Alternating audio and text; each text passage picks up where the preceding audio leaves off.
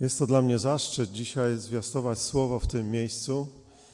E, I chciałem e, skierować moje kazanie dzisiejsze e, do osób, które mają wątpliwości, do osób poszukujących, do tych, którzy jeszcze się nie zdecydowali, do tych, którzy nie są pewni, a również do nas, którzy już trwamy w wierze, ale chcielibyśmy utwierdzić się w przekonaniu, że to, co wierzymy, jest warte tego, żeby wierzyć.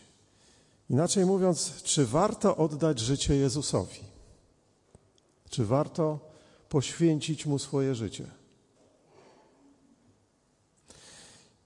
I chciałbym e, dzisiaj skupić się bardzo króciutko, ponieważ czas jest ograniczony, na kilku przyczynach, a może nawet uda mi się na dziesięciu przyczynach, dlaczego warto to zrobić. Najpierw chciałem e, przeczytać werset na samym początku z Filipian trzeciego rozdziału, siódmy i ósmy werset. Filipian trzeci rozdział, siódmy e, werset, trzeci rozdział, siódmy i ósmy werset. To są słowa apostoła Pawła. Wszystko to, co mi było zyskiem, uznałem ze względu na Chrystusa za szkodę. Wszystko uznaję za szkodę wobec doniosłości, jaką ma poznanie Jezusa Chrystusa, Pana mego, dla którego poniosłem wszelkie szkody i wszystko uznaję za śmiecie, żeby zyskać Chrystusa. E, wielki apostoł, apostoł narodów, przed którym rysowała się wielka kariera. Uczeń, student jednego z największych teologów e, ówczesnych czasów, Gamaliela, który miał autorytet w całym narodzie izraelskim, który mógł zostać politycznym, społecznym, duchowym przywódcą, faryzeuszem, a jednak wypowiada takie słowa. Wszystko, co mi było zyskiem, uznałem ze względu na Chrystusa za szkodę. Wszystko uznaję za szkodę wobec doniosłości, jaką ma poznanie Jezusa Chrystusa, Pana mego. Zwróćmy uwagę, że on nie mówi, wszystko uznaję za mniej ważne, czy mniej wartościowe w porównaniu z Jezusem Chrystusem, ale on mówi więcej. Wszystko uznaję za szkodę wobec doniosłości, jaką ma poznanie Jezusa Chrystusa, Pana mego. Dlaczego aż tak? Czy warto aż tak poświęcić się Jezusowi? Że wszystko, co na tym świecie jest atrakcyjne dla większości ludzi, on uznaje za szkodę. Dlaczego poszedł aż tak daleko? Czy warto aż tak się angażować? Czy nie wystarczy po prostu grzać ławę kościelną raz na jakiś czas, a potem wrócić do swoich zajęć, e, zająć się swoimi zainteresowaniami, rodziną, pracą, hobby? Czy warto aż tak? Czy to nie jest jakiś fanatyzm?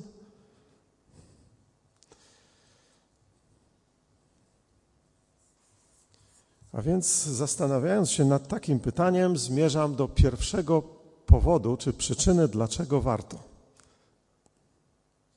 Po pierwsze, dlatego, że nikt nie kocha tak jak Jezus Chrystus. Nikt nie kocha tak jak Jezus Chrystus. Człowiek szuka miłości.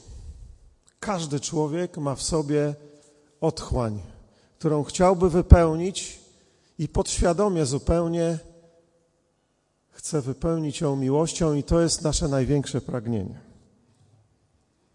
Ale nigdzie jej nie znajdziemy w takim stopniu jak w Jezusie Chrystusie. No, zdaję sobie sprawę, że niewielu ludzi w to wierzy, bo widzą choroby, Widzą nieszczęścia, widzą śmierć najbliższych, widzą cierpienia, widzą wojny, katastrofy. Gdzież tu jest Boża miłość? Skoro kocha, dlaczego dopuszcza do tego? Niestety jednak e, nie widzimy zła, zepsucia, podłości, pychy, egoizmu naszych własnych serc. Tylko widzimy to. Dlaczego Bóg widzi cierpienie i czegoś, czegoś z tym nie zrobi? Ale przyczyną, prawdziwą przyczyną wszystkich nieszczęść jest grzech. Nasz grzech, mój grzech, Twój grzech. Moralna choroba, która nas wszystkich toczy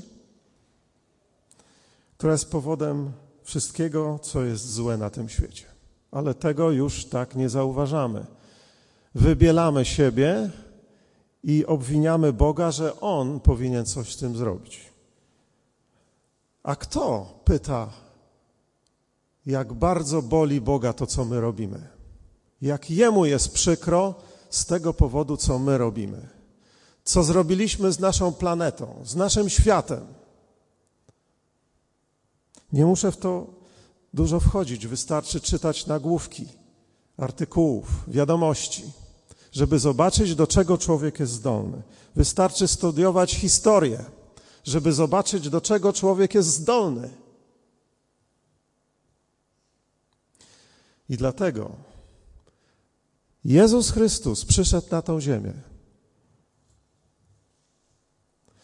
żeby jako człowiek, żeby poddać się ludzkim cierpieniom, żeby przy, przywrzeć ludzkie ciało i cierpieć, żeby nas odkupić z tego wszystkiego.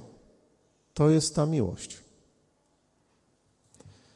Nieskazitelny. Jezus był nieskazitelny, a mu, mimo wszystko musiał ciągle stykać się z grzechem, żyć w oparach zła i grzechu.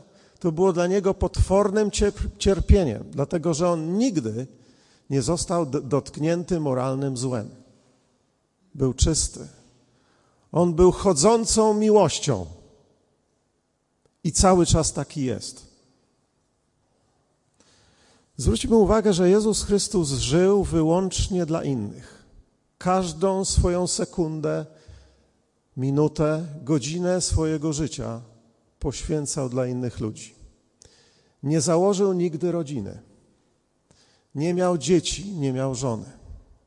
Dobrowolnie wyrzekł się wszystkiego tego, co przyjemne, do czego człowiek zmierza.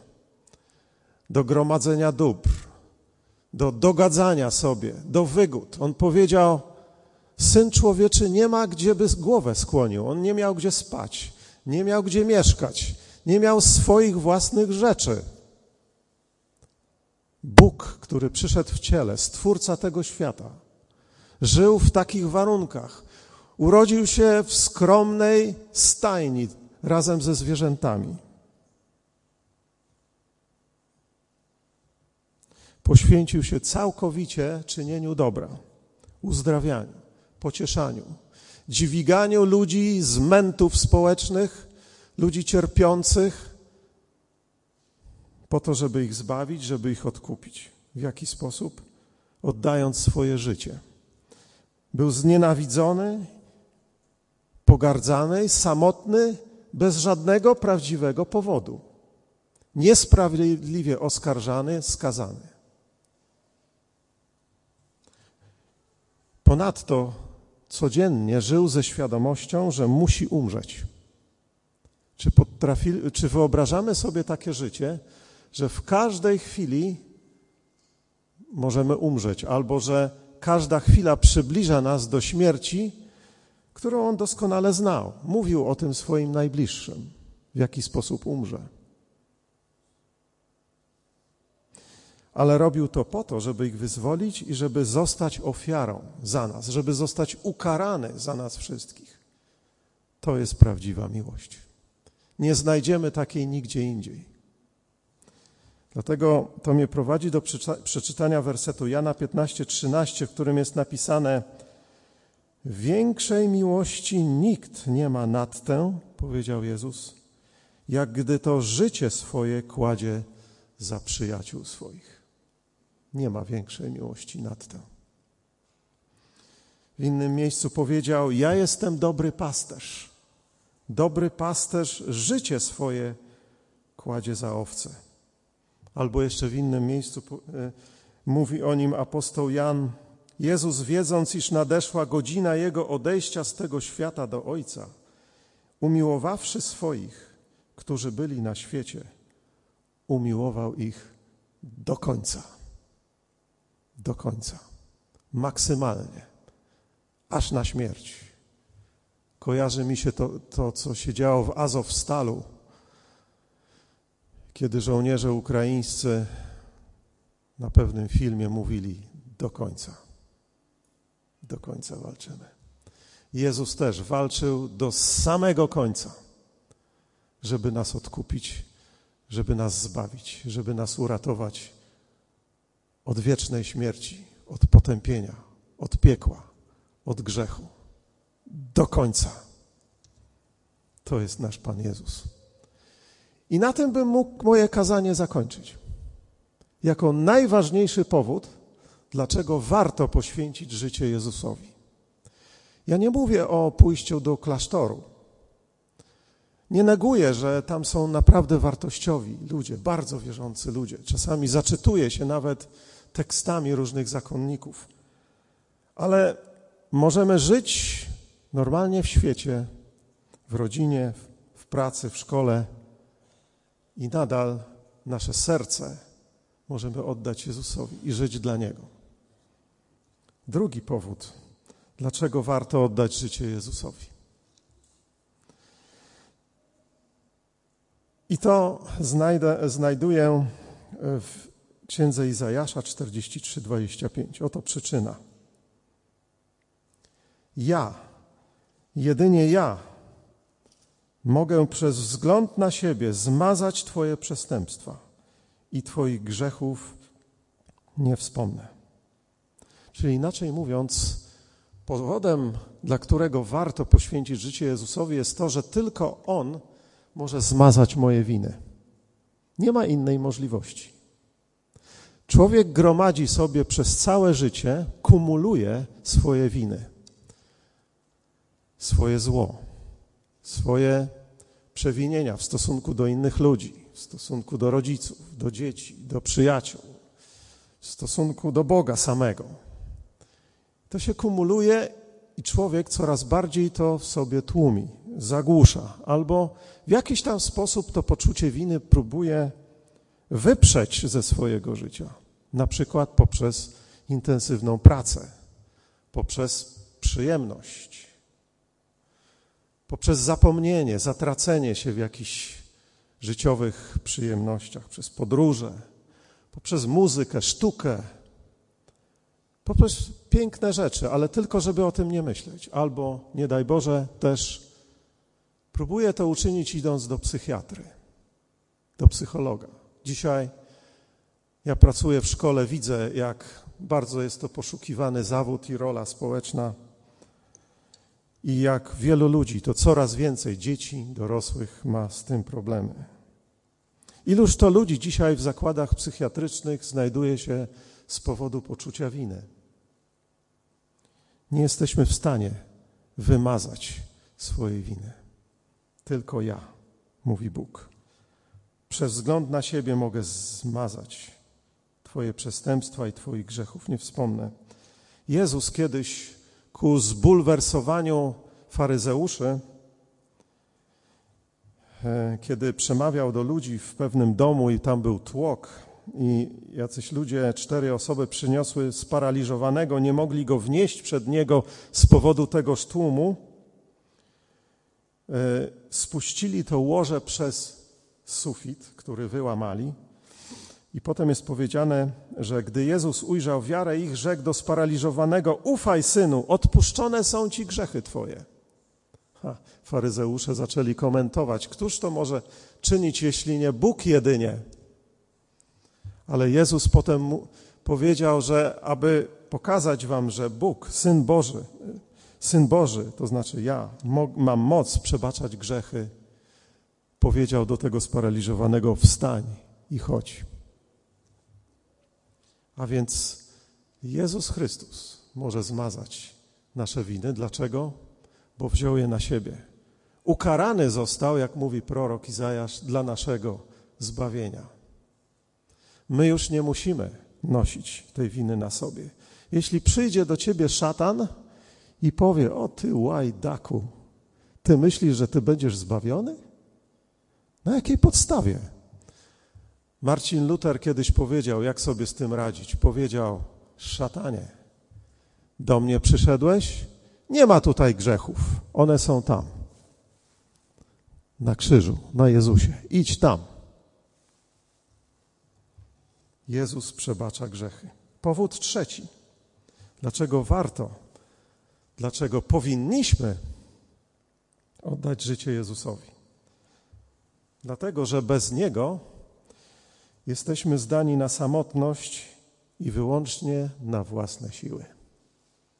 Jesteśmy skazani na przerażającą samotność i wyłącznie na własne siły. Blaise Pascal, jeszcze będę nawiązywał do jego myśli, do jego życia. Wybitny, genialny matematyk XVII wieku. Powiedział tak: Wiekuiste milczenie bezkresnych przestrzeni przeraża mnie. Samotność. Wychodzę na pole, patrzę na gwiaździste niebo, na czerń, na kosmos, nieskończoność. Przeraża mnie to. Tam jest milczenie, tam nie ma nikogo i tam nikogo nie będzie. Wszystko jest przypadkiem, wszystko jest pustką. Samotność.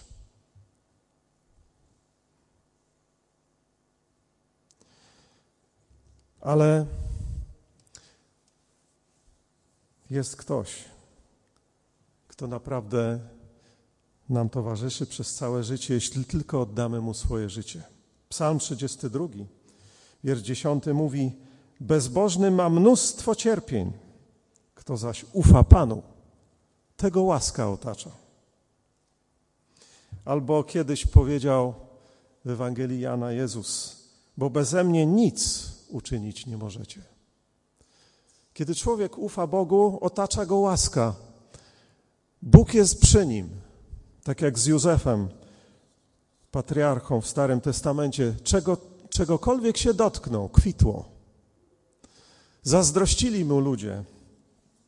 Ale on nawet uprawiając pole, czy zajmując się domem swojego pana, wszystko kwitło. We wszystkim miał sukces. Dlatego, że oddał swoje życie Bogu. Niech tylko stracimy, niech tylko e, zabraknie nam zdrowia. Tak to jesteśmy silni, póki jesteśmy młodzi. Damy sobie radę, mówimy, myślimy sobie, ale w momencie, kiedy nagle zaczyna nas coś boleć, nagle tracimy zdrowie i zaczynamy, zaczynamy inaczej myśleć. I wtedy właśnie zaczynamy zastanawiać się, zwłaszcza kiedy nasze życie jest zagrożone, kiedy nasze oczy zagląda śmierć. Nagle zaczynamy zastanawiać się, czy rzeczywiście Bóg jest, a może jednak warto się nad Nim zastanowić i oddać Mu swoje życie. Jezus powiedział kiedyś do swoich uczniów: Nie zostawię was sierotami, przyjdę do was. Współczuję ateistom, współczuję ludziom, którzy wybrali drogę bez Boga. Są sierotami. Muszą radzić sobie sami. Powód czwarty. Warto oddać Jezusowi Chrystusowi życie, ponieważ bez Niego nic ani nikt nie może nas do końca zaspokoić. Nikt ani nic nie może tak naprawdę do końca nas zaspokoić. Ludzkie serce zostało tak stworzone, że ma w sobie pewną otchłań, pewną próżnię, która może być wypełniona wyłącznie Bogiem. Tylko Bóg, który je stworzył, może je w pełni zaspokoić. Człowiek szuka tu i tam, ale na próżno. Jezus powiedział kiedyś tak, Jana 6:35. Ja jestem chlebem żywota. Kto do mnie przychodzi, nigdy łaknąć nie będzie. A kto wierzy we mnie, nigdy pragnąć nie będzie. Oto jego obietnica. Czy wierzymy w to? Oto prawdziwe zaspokojenie. Nie może nas zaspokoić nawet najpiękniejsza muzyka, nawet najpiękniejsze obrazy, ani krajobrazy, ani podróże, ani najwspanialsze jedzenie, ani najnowocześniejszy sprzęt komputerowy, ani żaden dom, ani żaden samochód, ani żaden człowiek, ani najpiękniejsza kobieta, ani najprzystojniejszy i najinteligentniejszy mężczyzna, ani dzieci, ani rodzice, tylko Jezus Chrystus. Uwierzmy w to, co On powiedział. Nie szukajmy zaspokojenia gdzie indziej. Salomon kiedyś powiedział takie słowa: Kto miłuje pieniądze, pieniędzmi się nie nasyci. A kto miłuje bogactwo, zysków mieć nie będzie. Kaznodziei 5:9. Ludzkie oczy nigdy się niczym, nigdy się nie nasycą. Salomon również w przypowieściach powiedział: Kraina umarłych i otchłań są nienasycone, także oczy ludzkie nigdy się nie nasycą. Możemy oglądać najlepsze, najciekawsze filmy, a to jest bardzo popularne zajęcie w dzisiejszych czasach. Wzrok. Nasz zmysł wzroku całymi godzinami jest zajęty, patrzymy w ekrany, sądząc, że tam znajdziemy zaspokojenie jednak na próżno. Kolejny powód, numer pięć. Warto i trzeba oddać życie Jezusowi, dlatego że bez Niego życie nie ma większego sensu. Nie ma sensu. Cały nasz czas, energia, uczucia, ambicje, energia jest lokowana, inwestowana w to krótkie życie, które w porównaniu z wiecznością jest zerem. Prosty rachunek matematyczny, prawda? Jest to logiczne. Dlaczego inwestujemy tak wiele w zero, skoro przed nami jest wieczność? Żyjemy w sposób nielogiczny. Wszystko poświęcamy temu, co za chwilę przeminie. Jesteśmy jak małe dziecko które nigdy nie może się tego nauczyć i ciągle wraca do, tej, do tego samego błędu. Ale to nie ma sensu. Jeśli nie ma Boga, po co mój wysiłek? Czy nie lepiej już zakończyć życie? I tak przecież ktoś inny przejmie to, na co pracowałem tyle lat. Kaznodzieja Salomona w drugim rozdziale tej księgi mówi tak w 17 wersecie i dalej. I tak znienawidziłem życie. Moglibyśmy powiedzieć to samobójcze myśli. Znienawidziłem życie, gdyż nie podobał mi się bieg rzeczy pod słońcem. Wszystko bowiem jest marnością i gonitwą za wiatrem. Marnością inaczej można przetłumaczyć bezsensem, absurdem. I znienawidziłem wszelki trud, jaki znosiłem pod słońcem, ponieważ to, co zdobyłem z trudem, muszę powierzyć człowiekowi, który po mnie przyjdzie. 22 werset. Bo cóż pozostaje człowiekowi z całego jego trudu i porywów jego serca, którymi się trudzi pod słońcem, skoro całe jego życie jest tylko cierpieniem? a jego zajęcia zmartwieniem i nawet w nocy jego serce nie zaznaje spokoju, to również jest marnością albo bezsensem, albo absurdem. Tak mówi Biblia. Księga Kaznodziei Salomona mówi o tym, co jest najlepsze, najwspanialsze w tym życiu bez Boga. To jest świetna księga dla agnostyków, dla tych, którzy żyją bez Boga. To jest to, co mogą najwięcej osiągnąć, ale bez Niego. I tutaj chcę przytoczyć pewien cytat z leksykonu śmierci wielkich ludzi autorstwa Isabel Bricard. W jaki sposób Ernest Hemingway zakończył swoje życie?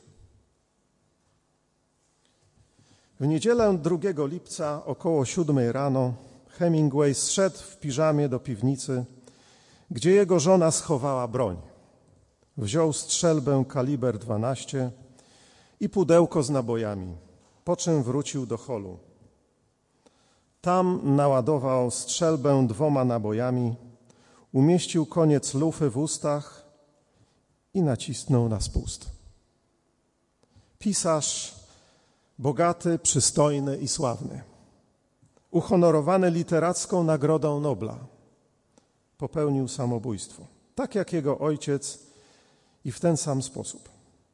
Nie zostawił ani słowa wyjaśnienia. Hemingway uważał, że się skończył. Po sześćdziesiątce jego zdrowie bardzo się pogorszyło. Cierpiał na cukrzycę, marskość wątroby, nadciśnienie, impotencję, osłabienie wzroku. To też ogarniała go coraz silniejsza depresja. Tracił pamięć i nie mógł już pisać. Co w życiu liczy się dla człowieka? Pytał na kilka tygodni przed śmiercią. Być zdrowym, dobrze wykonywać swoją pracę, jeść i pić w towarzystwie przyjaciół, zabawić się w łóżku. Mnie już nic z tego nie pozostało. Nie mógł tego wytrzymać. Koniec cytatu. Bezsens. Absurd. Życie bez Boga. Największy, jeden z największych pisarzy amerykańskich. I to mnie prowadzi do kolejnego powodu, dla którego warto oddać, trzeba, war, trzeba oddać życie Jezusowi Chrystusowi. Szósty powód, bo bez Niego śmierć jest przerażająca, a wieczność straszna.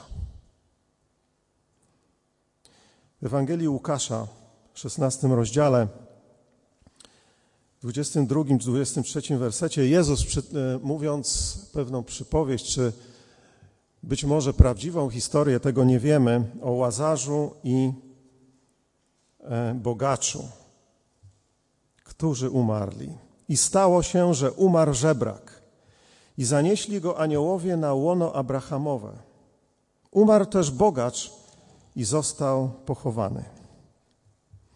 A gdy w krainie umarłych cierpiał męki i podniósł oczy swoje, ujrzał z daleka Abrahama i Łazarza na jego łonie. A więc dwóch ludzi, jeden bardzo bogaty, który e, leżał gdzieś tam u bramy tego bogacza, a bogacz w ogóle nie zwracał na niego uwagi, tylko wystawnie ucztował każdego dnia. Psy przychodziły, lizały rany, wrzody na ciele tego żebraka, łazarza. I potem przyszła śmierć. Nagle sytuacja diametralnie się odwróciła. I właśnie tenże bogacz, ten, który miał tutaj wszystko, osiągnął wszystko na tej ziemi, nagle znalazł się w, w mękach. I tutaj jest, podkreślam to zdanie, to wyrażenie, a gdy w krainie umarłych cierpiał męki. Taka jest, takie jest przeznaczenie tych, którzy żyją bez Boga. Śmierć jest straszna dla takich ludzi. Nie chciałbym tutaj przytaczać, jest wiele przykładów ludzi, znanych ludzi, którzy żyli bez Boga, byli bezbożnikami, odrzucili Go całkowicie. W jaki sposób umierali? Ale dam może dwa krótkie przykłady. Sir Thomas Scott, kanclerz Anglii, powiedział tak przed, przed samą śmiercią, na łożu śmierci. Do tej pory uważałem, że nie ma ani Boga, ani piekła. Teraz wiem i czuję, że jest jedno i drugie i że jestem skazany na potępienie przez sprawiedliwy sąd wszechmogącego. Albo David Hume, może na studiach, kto uczył się filozofii, to wie, znany filozof i ateista angielski. Na swoim łożu śmierci wołał głośno: Jestem w płomieniach. Hmm, ciekawe, co to za płomienie. To był przedsmak tego, co za chwilę miało go spotkać. Życie bez Boga. Od, temat śmierci jest stale odsuwany w naszej dzisiejszej kulturze, spychany w zapomnienie coraz bardziej. Dlatego jest to takim wielkim szokiem, kiedy nagle to się dzieje, kiedy tracimy bliskich albo kiedy sami mamy taką perspektywę. Dlatego nie zwlekajmy, jak najszybciej oddawajmy swoje życie Jezusowi, bo On jedynie może nas zbawić od wiecznej śmierci, która czeka nas po tamtej stronie. I tam już nie ma ucieczki. To jest jedyna szansa, to życie, teraz. Potem nie ma już odwrotu. Są miliony, miliardy lat, nieskończoność. Wyobraźmy sobie moment, kiedy po milionach lat budzimy się tam i mówimy sobie: Ach, minął milion lat, a przede mną jest, jest nieskończoność. Nie ma odwrotu.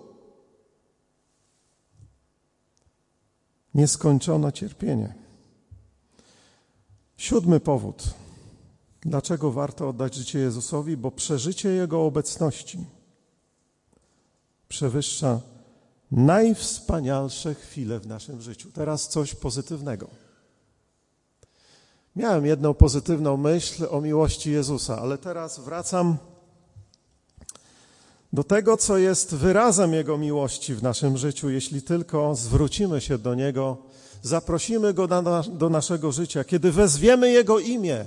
Być może to jest w momencie tragicznym, dramatycznym naszego życia a może w jakiejś chwili, kiedy jesteśmy zachwyceni, na przykład pięknem krajobrazu. Mam znajomego, który nawrócił się poprzez studiowanie fizyki. Był tak oczarowany pięknem praw, które, które zostały stworzone, że postanowił się nawrócić i oddać życie Bogu. A więc taka też jest możliwość obecność Boża, którą przeżywa chrześcijanin, który oddał swoje życie, przekracza wszelką przyjemność, jaką człowiek może doznać w tym życiu. Najwspanialszy deser czy obiad w restauracji, najwspanialszy komputer, najpiękniejszy i najszybszy samochód sportowy, najpiękniejsza kobieta czy najprzystojniejszy mężczyzna. Gwarantuję Wam, nie daje rozkoszy, którą daje parę sekund obecności Bożej w życiu człowieka. Dlatego człowiek, który tego nie przeżył, nie rozumie i nie można mu, te, nie można mu tego wytłumaczyć, dopóki sam tego nie przeżyje. Obecność Boża. Mam przyjaciela, który urodził się w ateistycznej rodzinie. I potem się nawrócił. Był w naszym zespole muzycznym przez wiele lat, ale w pewnym momencie zwątpił w istnienie Boga. Obudził się pewnego ranka, mówi: Mam wątpliwości. Urodził się w takiej rodzinie. Matka wpajała mu, że Boga nie ma. I męczył się z tym. Jego żona płakała przez długie dni, modliła się za niego. I on nie wiedział, co z tym zrobić. Mieszkał u mnie przez parę dni, ponieważ zaocznie uczył się w Warszawie. Pewnego dnia postanowił pójść na pewne nabożeństwo tutaj w Warszawie. Ja próbowałem przedtem w jakiś sposób mu przetłumaczyć, że jednak Bóg jest i warto mu służyć. To nic nie dawało. Kiedy poszedł na to nabożeństwo, wrócił z powrotem odmieniony. Mówi do mnie: Janek, nie musieliśmy już nic tłumaczyć. Bóg się mnie dotknął. Jego obecność upewniła mnie, że On naprawdę jest. I teraz cały czas trwa wierze do dzisiejszego dnia. To jest cudowne przeżycie. W Psalmie 63, 5 i 6 werset mówi: Tak błogosławić Cię będę, póki życia mego. W imieniu Twoim podnosić będę ręce moje Szósty werset. Dusza moja nasyca się jakby szpikiem i tłuszczem, a usta moje będą Cię wielbić radosnymi wargami. To jest człowiek, który znajduje się w obecności Bożej, który doświadcza bliskości Boga. W 23 psalmie jest powiedziane, choćbym nawet szedł ciemną doliną, czy doliną cienia śmierci, czy kiedy na, na przykład znajduję się w obliczu śmierci, zła się nie ulęknę, bo Tyś ze mną. Tyś ze mną. To jest coś, co zmienia życie człowieka. Apostoł Piotr kiedyś powiedział: Tego miłujecie, chociaż go nie widzieliście. Wierzycie w niego, choć go teraz nie widzicie, i weselicie się radością niewysłowioną i chwalebną. Radość, której nie mogą wysłowić żadne słowa. Któż tak mówi? Ten, kto dożył, doznał obecności Boga w swoim życiu.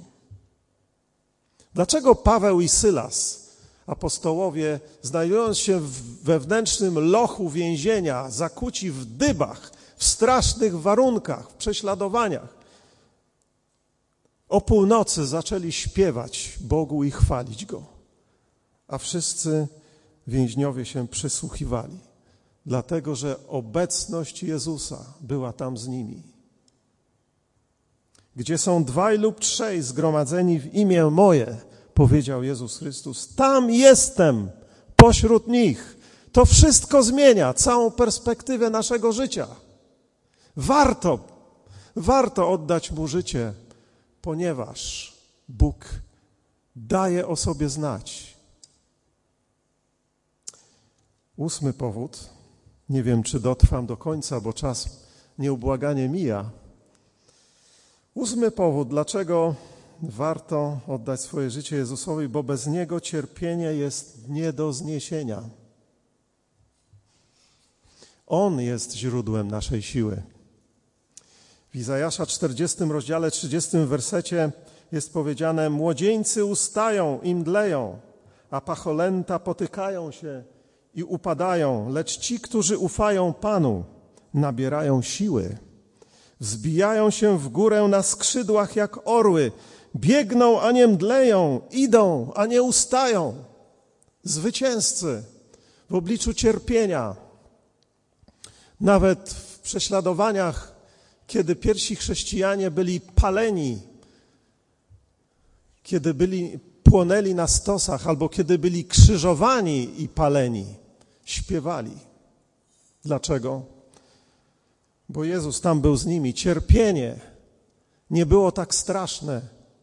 Często chętnie szli na śmierć, dlatego że wiedzieli, że Jezus jest tam z nimi tak jak tych trzech przyjaciół Daniela w księdze Daniela byli w ognistym piecu. Kto tam był razem z nimi w płomieniach? Pamiętacie tą historię? Jezus Chrystus tam był, Syn Boży. W tym ogniu, w tym cierpieniu. To jest dziedzictwo chrześcijan.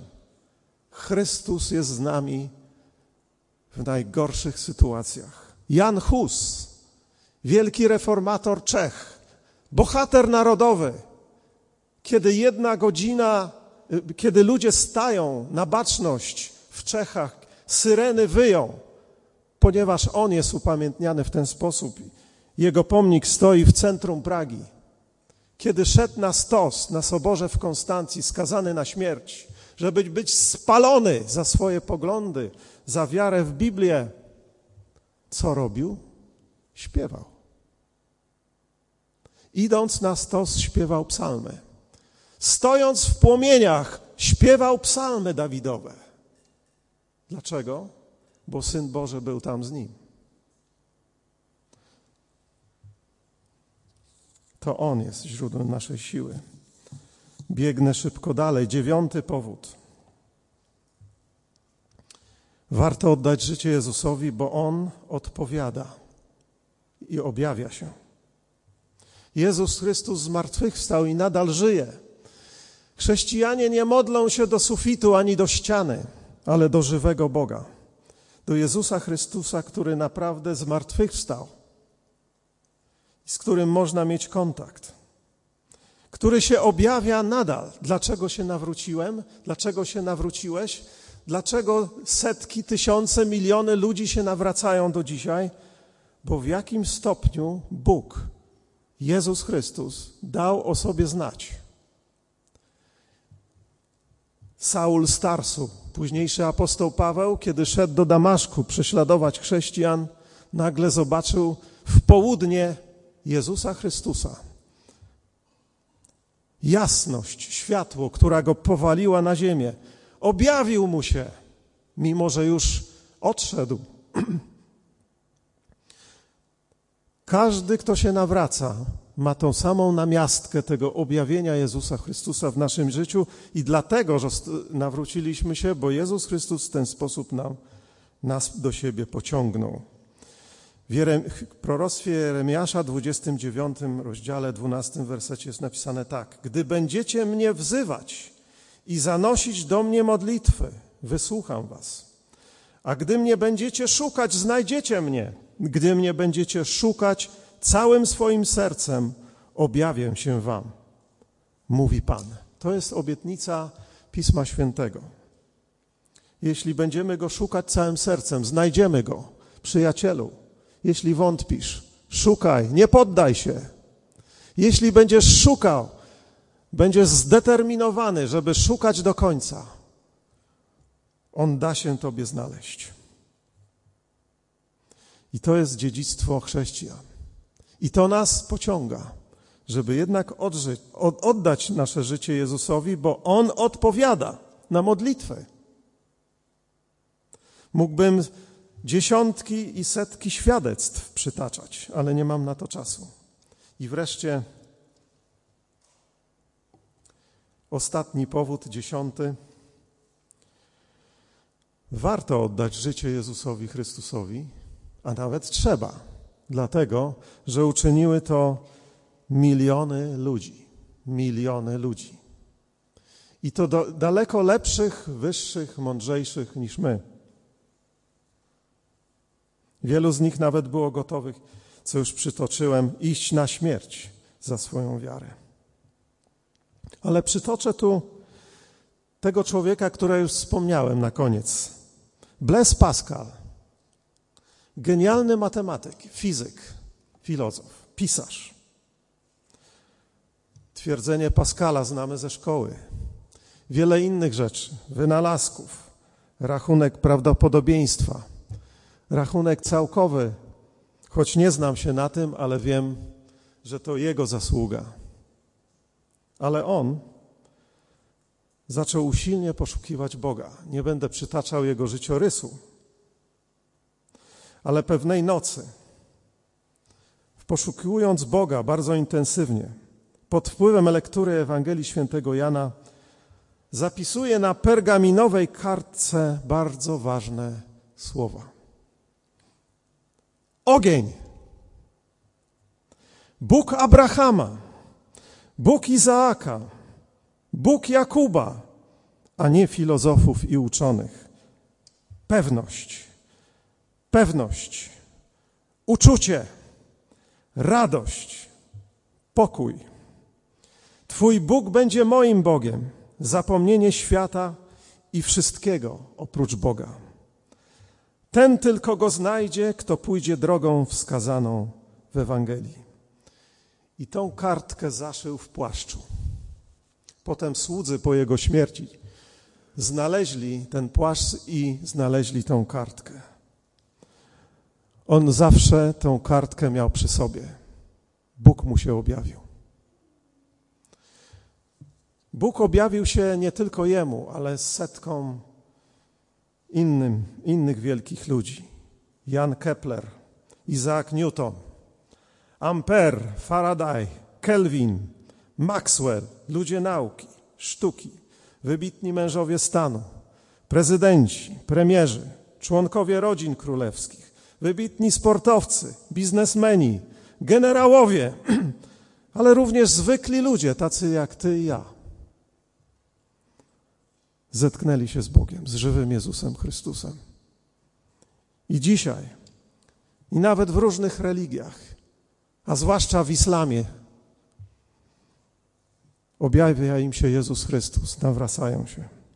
Skoro więc tacy ludzie, jak Blaise Pascal, oddali życie Jezusowi Chrystusowi, kim jestem ja?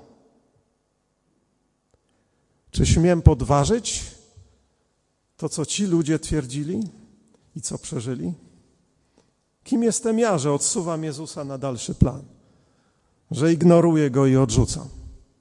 Przedstawiłem wam dziesięć powodów, dziesięć przyczyn, dziesięć argumentów. Nie, nie ignorujmy ich, nie odsuwajmy ich na bok, nie unikajmy ich, nie chowajmy głowę w piasek. Ucieczka nie jest wyjściem z sytuacji. Gdy wyjdziemy przez te drzwi, wrócimy do domów i do swoich codziennych zajęć, nie zagłuszajmy głosu Jezusa Chrystusa. On puka do naszych serc. Jak powiedział już nasz młody brat, czasy są niepewne. Warto oddawać swoje życie Jezusowi. Na co liczymy? W czym jest lepsza pewność? W czym, jest bez, w czym upatrujemy bezpieczeństwo naszego życia, naszej duszy? Co po śmierci? Wieczność jest przed nami. Bez Niego życie nie ma sensu.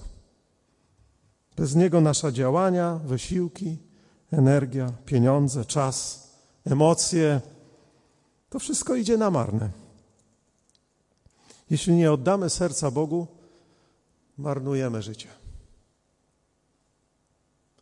Zastanówmy się nad tym. Jezus puka do naszych serc, również w tej chwili.